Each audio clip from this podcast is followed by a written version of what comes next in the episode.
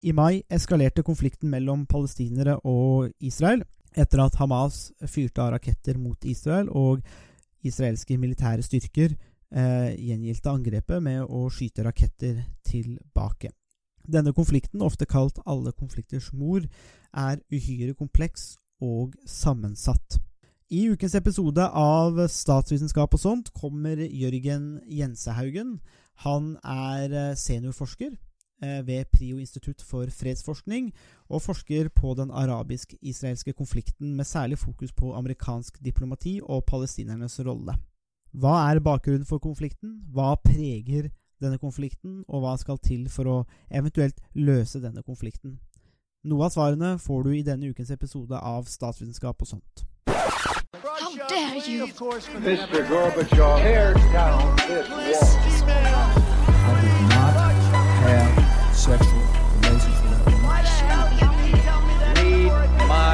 Lips. Hell yes, we're gonna take your AR-15. It's I have a dream. Thank you. Ja, velkommen til en ny episode av Statsvitenskap og sånt. Det er hyggelig å ha deg med, Jørgen. Takk, takk. Første spørsmål. Det er jo en Israel-Palestina-konflikten. Det kan bruke mange podkast-timer på å snakke om de ulike sidene, egenskapene, karakteristikkene ved denne konflikten. Eh, men du er jo ekspert på området eh, og temaet. Eh, og hvilke, hvilke tre ting, eh, elementer, mener du alle har nytte av å vite om nettopp denne konflikten?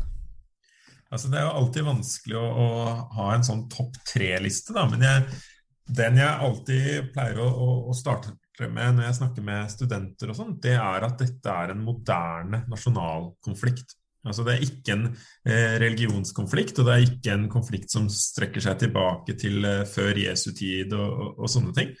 Dette er en konflikt som dreier seg om eh, to nasjonale grupper, eller to nasjonale ideologier, om man vil, sitt eh, Altså som begge har en interesse eller et ønske om å ha et land i det samme området. Eh, så det er altså palestinerne og sionistene. Eh, og, og da er det viktig å skille her sant, mellom jøder som, som en stor folkegruppe som finnes over hele verden, og en, og en religion også, og sionisme, altså som er en rett og slett betyr jødisk nasjonalisme. Altså et, et jødisk ønske om eh, en nasjonalstat i dette området. Og dette starter egentlig på slutten av 1800-tallet. Eh, tidlig 1900-tallet. Eh, og, og, så utvikler det seg, ikke sant? og den konflikten vi snakker om i dag, den, den bryter jo egentlig ut først på ja, 30-tallet eller 40-tallet. 1930-tallet, 1940-tallet.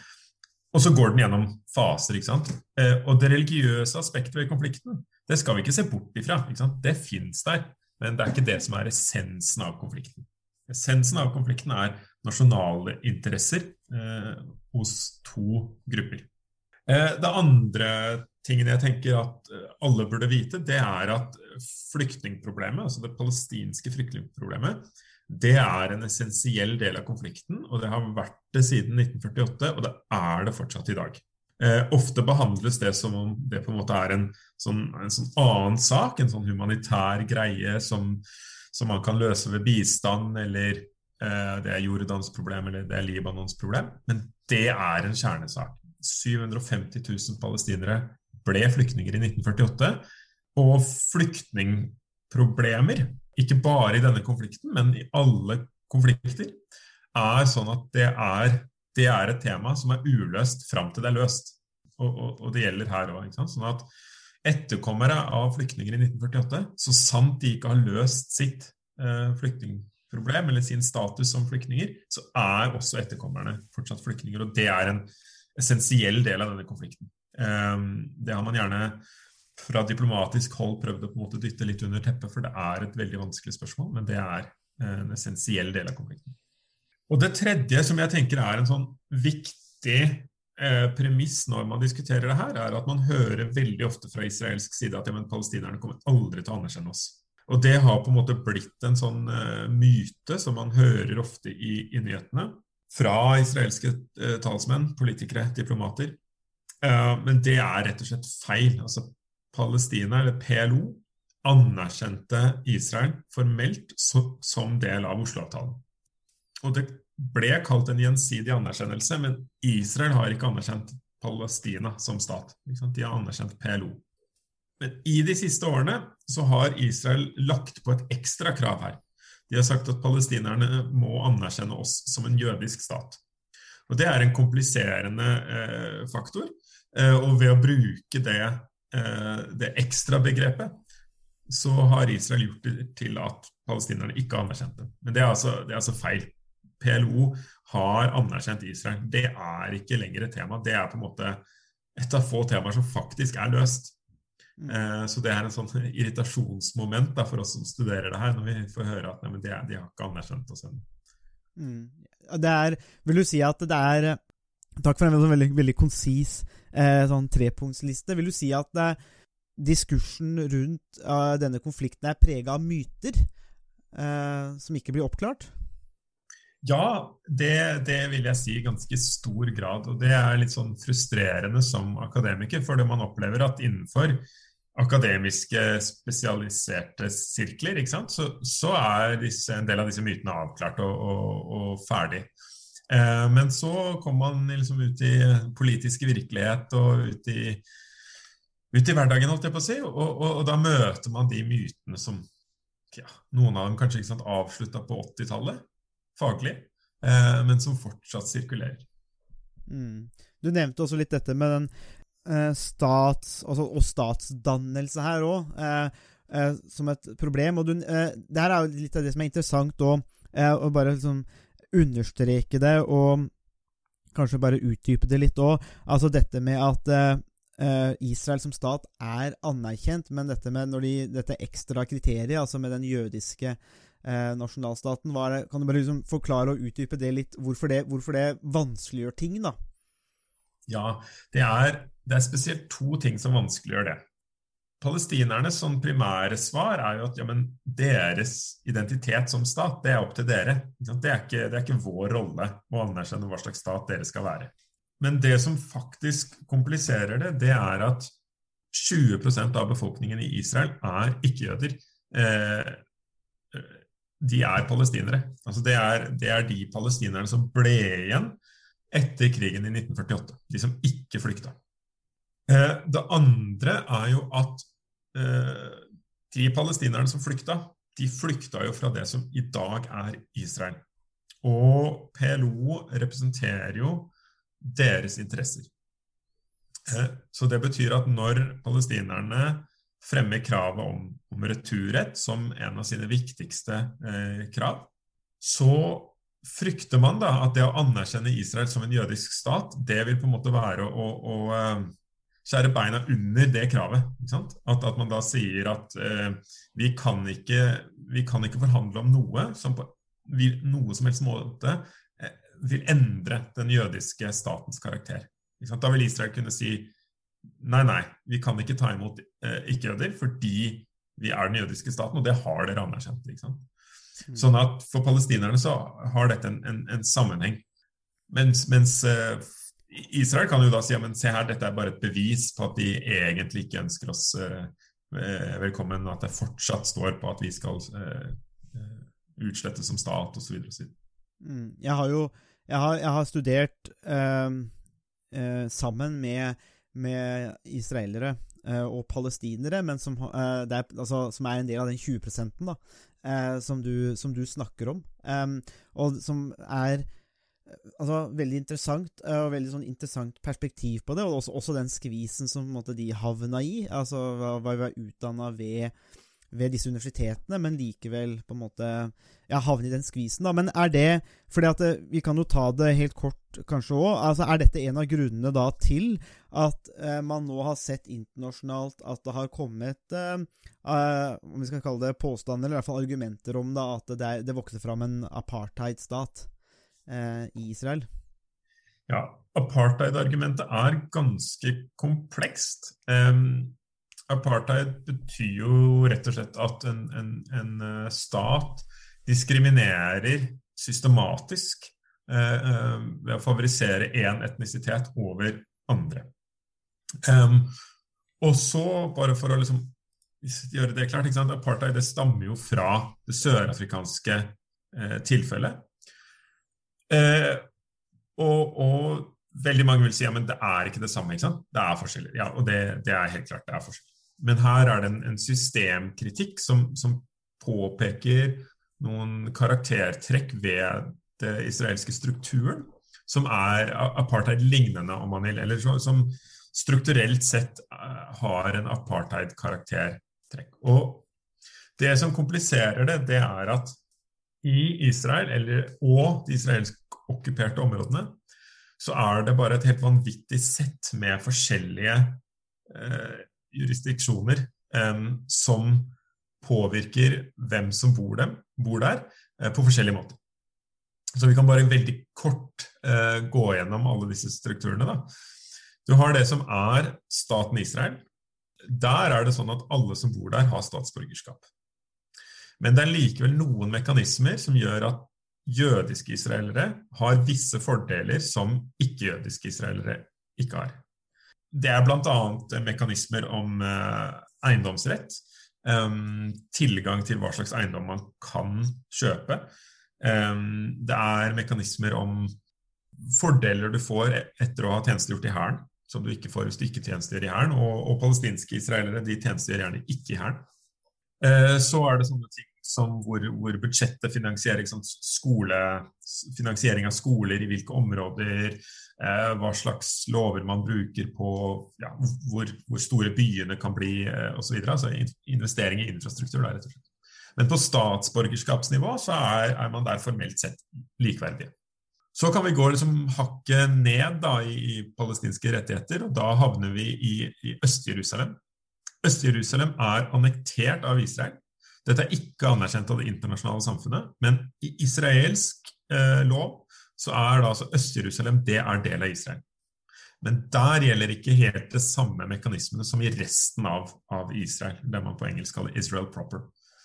For i Øst-Jerusalem så har palestinerne som bor der, de er da formelt sett del av Israel, men de har ikke statsborgerskap. Det vil si, de har fått de har fått den rettigheten til å søke statsborgerskap hvis de ønsker det. Og så er det sånn at hvis man søker, så får man stort sett nei. Så Det er noen som får ja, men stort sett så får man nei. Så der er det veldig klart. Der har du en, en, en, befolkning som er del av staten, men som ikke har statsborgerskap.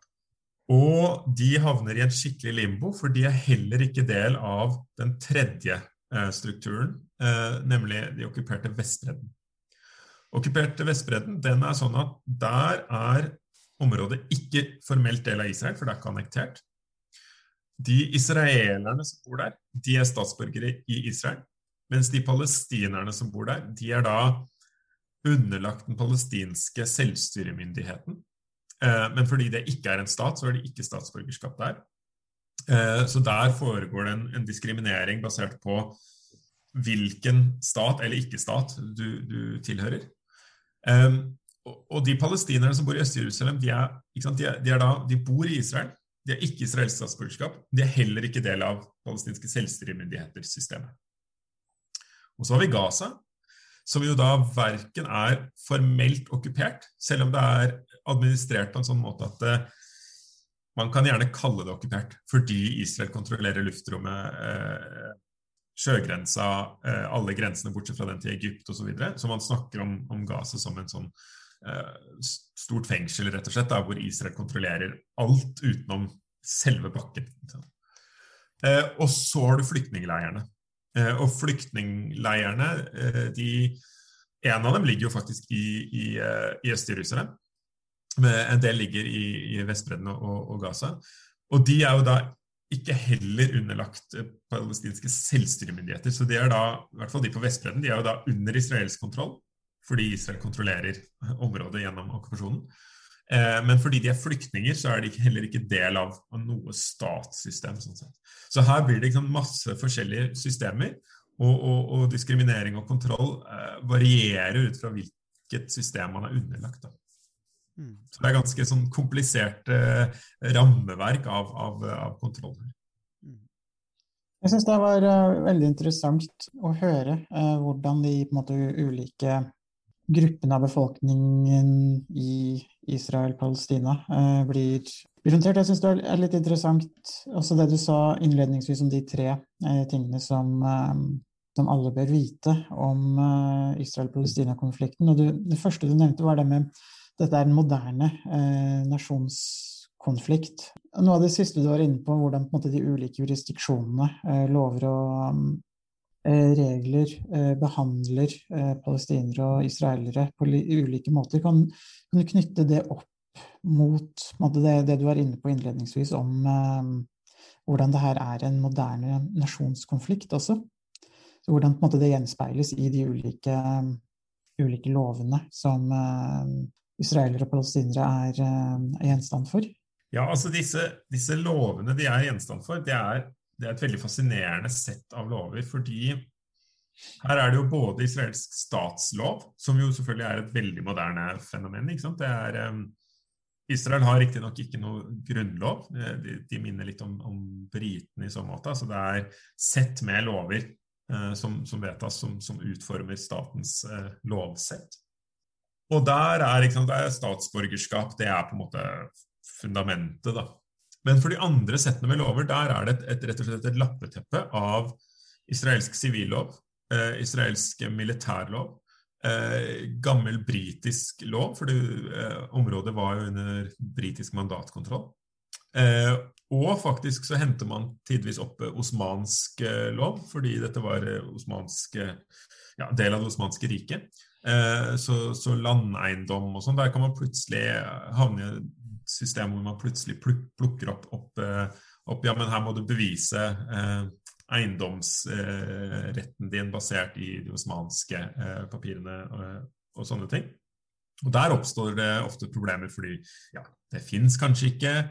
Eller i det osmanske systemet så var veldig mye av landet tilhørte på en måte det, det Wakf-systemet, altså det religiøse establissementets eiendom. Eh, og, og dermed sant, har du problemer med å bevise privateiendomsrett. Um, sånn at her, her, ofte utnyttes det at det er sånne juridiske hull eller juridiske overlapp. Og, hvor man på en måte henter gammellov for å ha en, ha en, um, en, en bærekraft eller en, en juridisk uh, tyngde da, i et moderne lovsystem. Og det, det skaper en hel del uh, paradokser. Men hele dette juridiske rammeverket er jo, det er jo moderne. Det er, ikke, det er ikke noe uh, Man bruker ikke eh, Det er jo en sånn sideting. Man, man, bruker gjerne liksom, krav da, fra vi, religiøse nasjonalistiske jøder. De bruker jo gjerne at de, sant, vi var jo her for, for 2000 år siden, og vi har krav i kraft av det.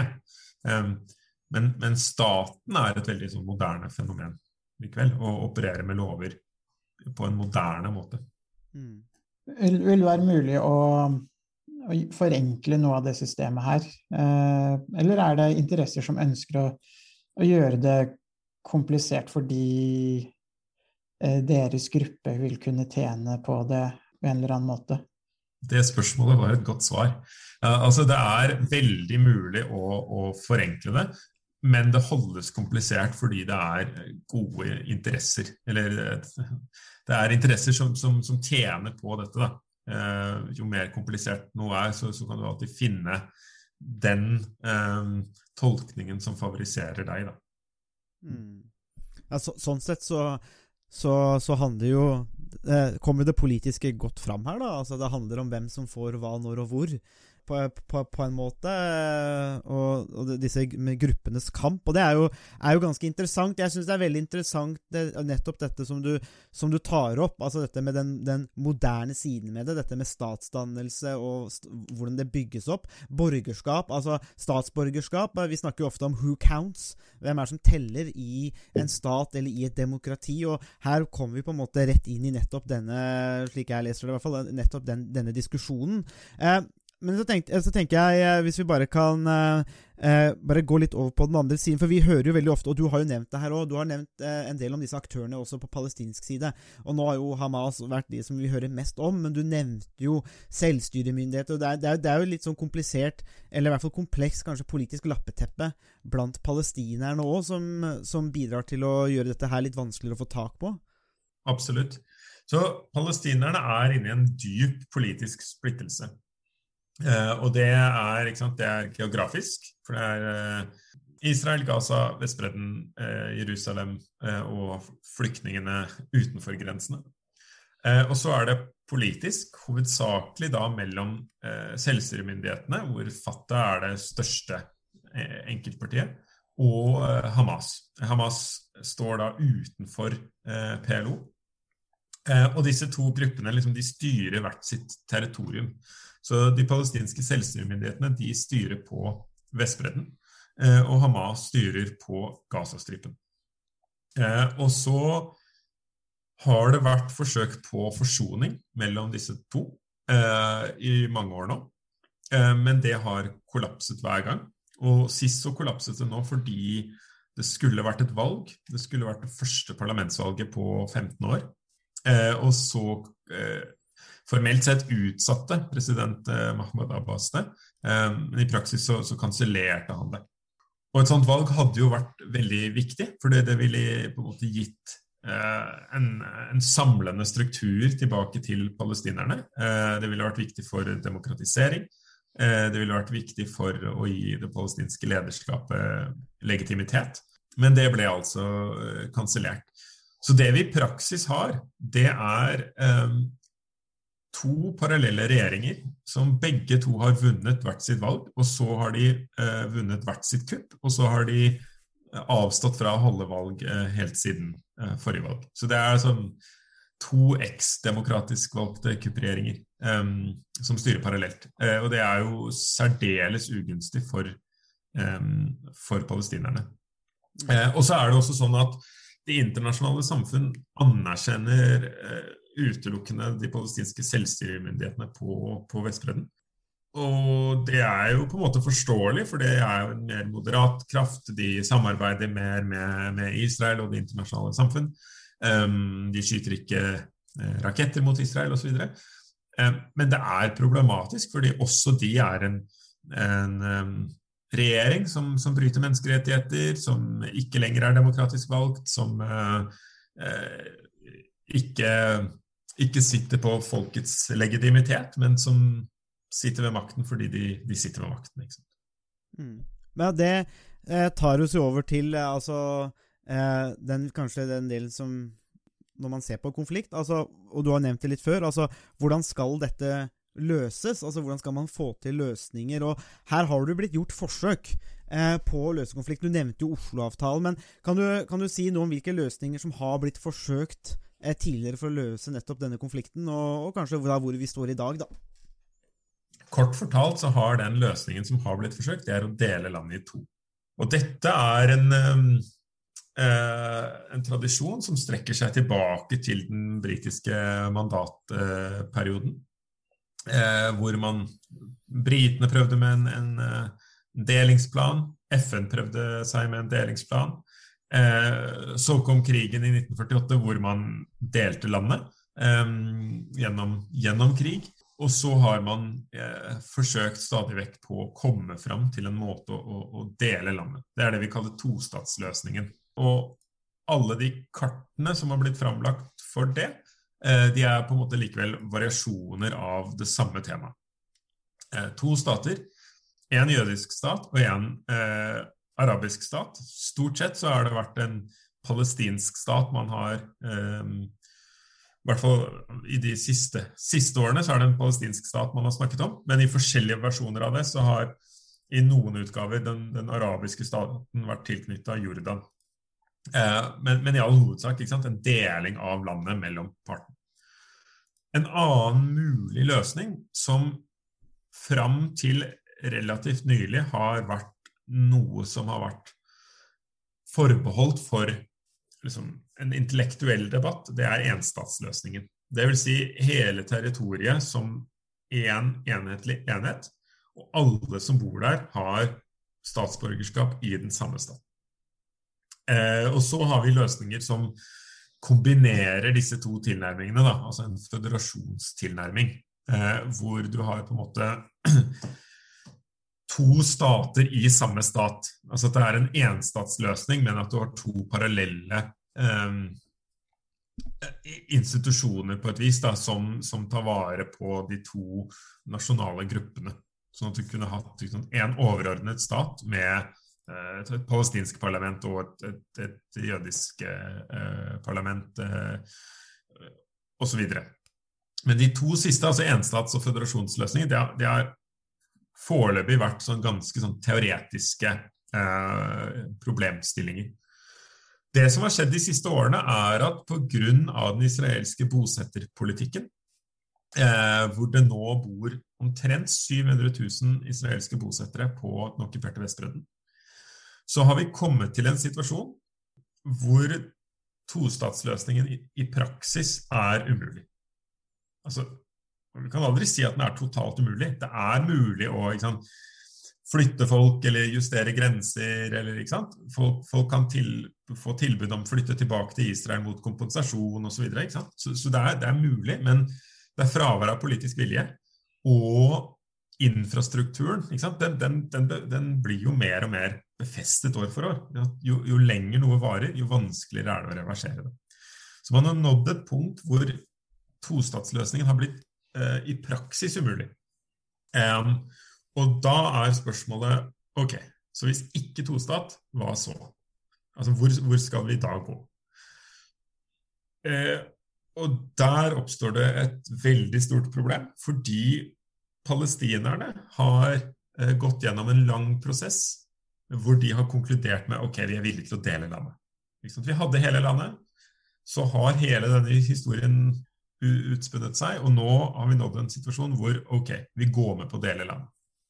Der har man i hvert fall ikke på den politiske ledelsens side vært villig til å si ok, vi klarer ikke å dele landet, nå ønsker vi bare statsborgerskap.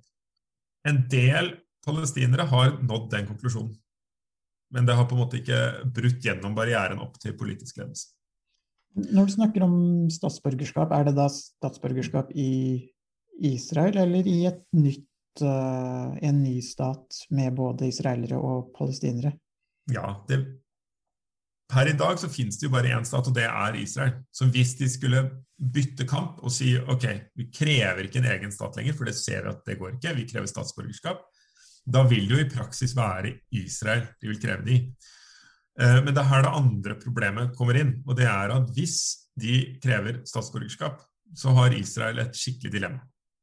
Israel kan på den ene siden de kan si ok, vi er jo en demokratisk stat, eh, vi gir dere statsborgerskap. Eh, vi, vi kan ikke lenger ikke, sant, ikke gi dere statsborgerskap. Problemet da er at da slutter jo Israel å være en jødisk stat. Um, vi har nådd det demografiske sånn, punktet hvor mellom Middelhavet og Jordanelven så er det nå omtrent 50-50. Altså jøder og ikke-jøder. Altså jøder og palestinere. Så ved en, ved en sånn alle i dette landet har uh, like rettigheter, så slutter det å være en jødisk stat. Da blir det en binasjonal stat. Så det andre alternativet til Israel er å si nei. Vi vet at hvis vi gir dere statsborgerskap, så slutter vi å være en jødisk stat. Ergo så, så, aksepterer vi da heller å fortsette å være en jødisk stat, men ikke en demokratisk stat. Eh, og det vil jo også være ødeleggende for Israels identitet, fordi Israels primære identitet er som en demokratisk jødisk stat. Sånn Hvis den palestinske kampen skifter mot like rettigheter innenfor et samlet territorium, så står Israel overfor et veldig reelt dilemma. Skal vi ofre demokratiaspektet ved staten vår, eller skal vi ofre det jødiske aspektet ved staten vår? Det tredje scenarioet, og det er der vi egentlig er i dag, det er at Israel sier eh, vi fortsetter med status quo inn i det uendelige. Og det er en ikke-løsning. Det er en sånn evig ikke-løsning hvor man måte bare sier nei, vi utsetter løsningen, og så lever vi med dagens situasjon, men vi kaller den eh, midlertidig. Men den er jo ikke midlertidig. Ikke sånn. hvorfor, um, hvorfor har Israel på en måte valgt den tredje løsningen? Fordi det er jo egentlig på en måte en løsning som, som også har veldig store kostnader, både for Israel og, og palestinerne. Ja, det er ingen sånn helt lett måte å si det på, men jeg vil argumentere for at det har veldig lite kostnad for Israel å fortsette med status quo. Eh, fordi de vet at å enten gi fra seg masse land, eller å gi palestinerne masse rettigheter, det er ting som har store kostnader. Dagens konfliktsituasjon den, den er jo ikke noe hyggelig for Israel heller. Med jevne mellomrom så blir det skutt raketter mot dem. Det er, det er fælt. Det, det, er fryktinngytende. Det er ikke noe hyggelig å leve under den situasjonen. Men fra et sånn overordnet statsperspektiv eh, så er det en, en, en, lavere kostnad enn å gi fra seg masse territorium eller å gi masse folk eh, like rettigheter. Og hele dette dilemmaet og, og spørsmålet om hvordan man skal håndtere dette dilemmaet, det stammer fra krigen i 1967. For da tok plutselig Israel over Gaza, Vestbredden og Øst-Jerusalem i løpet av seks dager.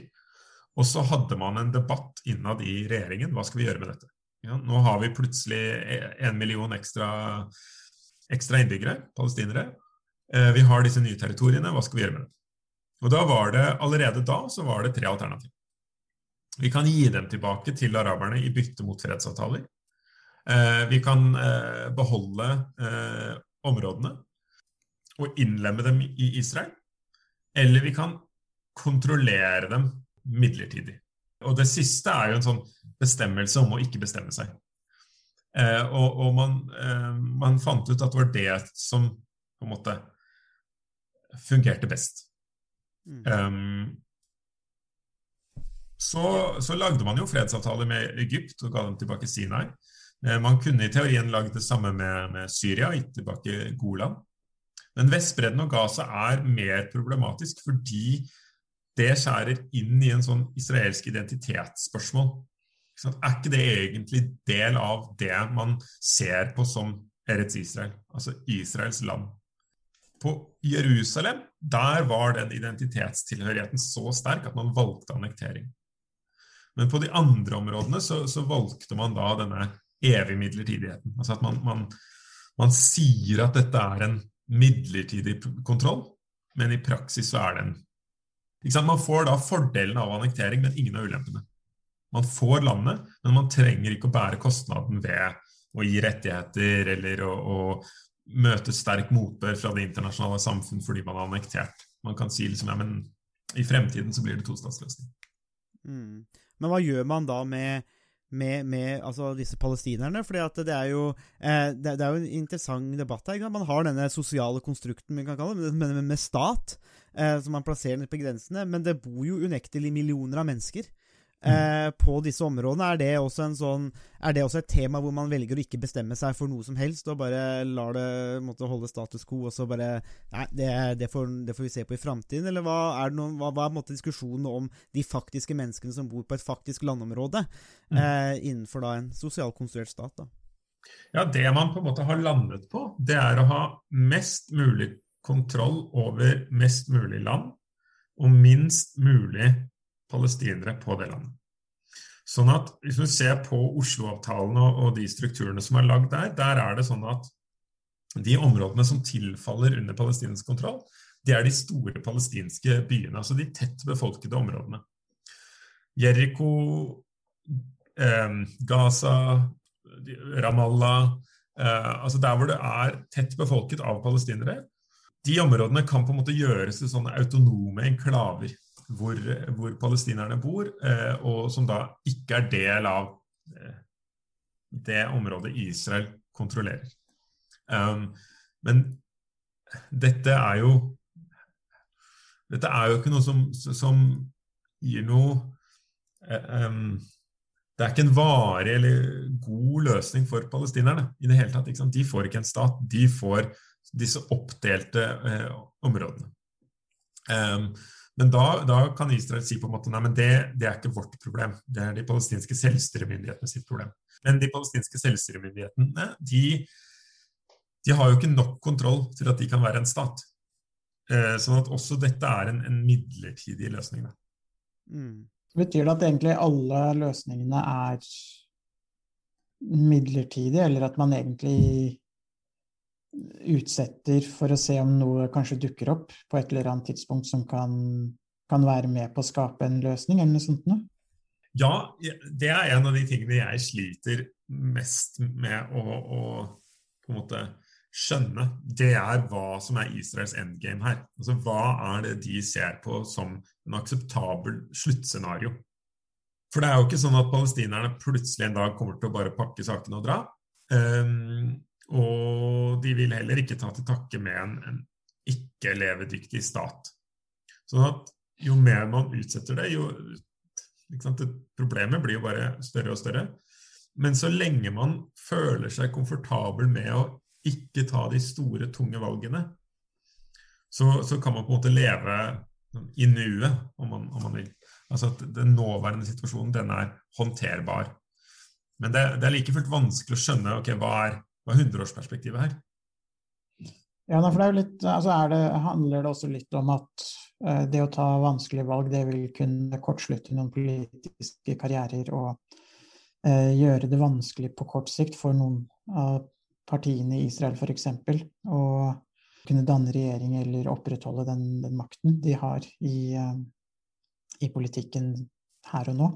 Ja, det tror jeg er, er ganske sånn essensielt problem her er at um, i Israel så har jo det vi kan kalle fredsleiren, altså fredsbevegelsen, den har forvitret.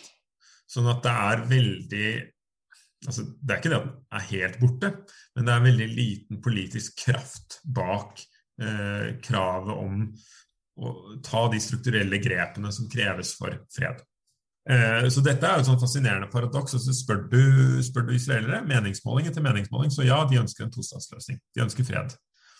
Um, så Hvis du prøver å bryte ned det spørsmålet i sånne realistiske bestanddeler av, av hva som skal til for å få en tostatsløsning, da forsvinner de tallene ganske fort. Er du, er du villig til å trekke ut alle bosetterne fra, fra Vestbredden? Eh, er du villig til å dele Jerusalem med palestinerne? Er du villig til å gi eh, x antall tusen palestinere returrett? Er Israel villig til å innrømme skyld for at palestinerne flykta i 1948? Betale erstatning? Er Israel villig til å anerkjenne en palestinsk stat? Masse sånne spørsmål som jo faktisk er de grepene man må ta for å få til en tostatsløsning. Så forvitrer de tallene, altså. Mm. Sånn at det er en sånn teoretisk interesse i en tostatsløsning, men, men ikke, ikke, de konsesjonene som kreves. Men, men, hva med palestinernes side også? Er det altså man, man, kunne se for seg at ved at de står samlet, så ville de kunne øke måte, sin forhandlingsmakt og sin posisjon også. Er det også der eh, noen eksempler på det samme, at de, de tenker kortsiktig politisk gevinst i større grad enn enn å ta langsiktige valg som kan kunne måtte være gunstig på lengre sikt? Eller er det en annen dynamikk på den siden? Nei, det er, det er sammenlignbare ting. F.eks. det med splittelsen mellom eh, Hamas og Fatah. Det burde jo vært løst for lenge siden. Korrupsjon på palestinsk side, det burde de bare slutte med. Altså, det, det er ingen, ingen, tjener på det, bortsett fra de som direkte tjener på det. Um, så det er masse palestinerne eh, kunne gjort sånn sett. Men de dype strukturene i konflikten, altså okkupasjon, kontroll av Øst-Jerusalem, eh, flyktningspørsmål og sånt, der er det jo Det er en slags sånn eh, problematisk dobbeltasymmetri i denne konflikten her. Hvis vi ser på maktbalanse, så har Israel desidert mest makt. Hvis vi ser på hva skal vi kalle det, konsesjonsbalanse, altså hva man må gi fra seg, så er det sånn at per i dag så har på en måte palestinerne tapt så mye at de har liksom ikke noe særlig mer å gi. Israel derimot, fordi de har vunnet krig etter krig etter krig, etter krig, de sitter jo med alle kortene på hendene. Mm. Sånn at for å oppnå fred, så er det plutselig Israel som må gi fra seg ting. Og det er den der kombinasjonen her av asymmetri hvor Israel har mest makt. Og for å få fred så er det de som oppgir mest. Det skaper en sånn en skikkelig sterk ubalanse i en, en fredsprosess. da. Fordi du går inn med to sterke parter, og så er den sterke parten som må gi fra seg ting. Det går ikke. ikke sant? Den, den sterke parten har ikke noe insentiv for å gi fra seg ting. Så, så problemet, problemet til Israel er nesten at de har vært altså de, de må betale en veldig høy pris fordi de har på en måte klart å vinne krigene som de har vært eh, som de har stått i, i tidligere, egentlig. Og det gjør at de, eh, de på en måte vinner alle slagene, men klarer likevel ikke på en måte å, å vinne krigen eller finne en, en løsning til slutt, rett Ja. og slett. Ja, det er et, det er et stort eh, paradoks, eh, dette. Men det er eh, Så hvis, godt- de, godt så hvis på en måte Israel hadde vært eh, hatt mindre mm, Eller stått litt svakere i den maktbalansen, så ville det kanskje vært en lettere forhandling på en måte, fordi det hadde vært to parter som måtte kanskje gi og ta i litt større grad. Ja, det tror jeg vi, tror jeg vi kan si. Og så er det det med at sant, det er jo eksterne parter som kan bli med på å, å jevne ut denne maktubalansen. Eh, her er USA ikke sant, det mest, mest talende eksempelet. Vi har, vi tre eksempler historisk, i hvert fall, på at USA har brukt sine muskler overfor for Israel. Og hver gang de har gjort det, så har man på en måte kommet litt nærmere eh, en, en, en fred. da. Eh, Det første skjer egentlig i 1948-krigen, hvor Israel ikke bare erobrer Gaza, eh, men de krysser faktisk også inn i egyptisk territorium. Og da sier USA at det her er ikke greit.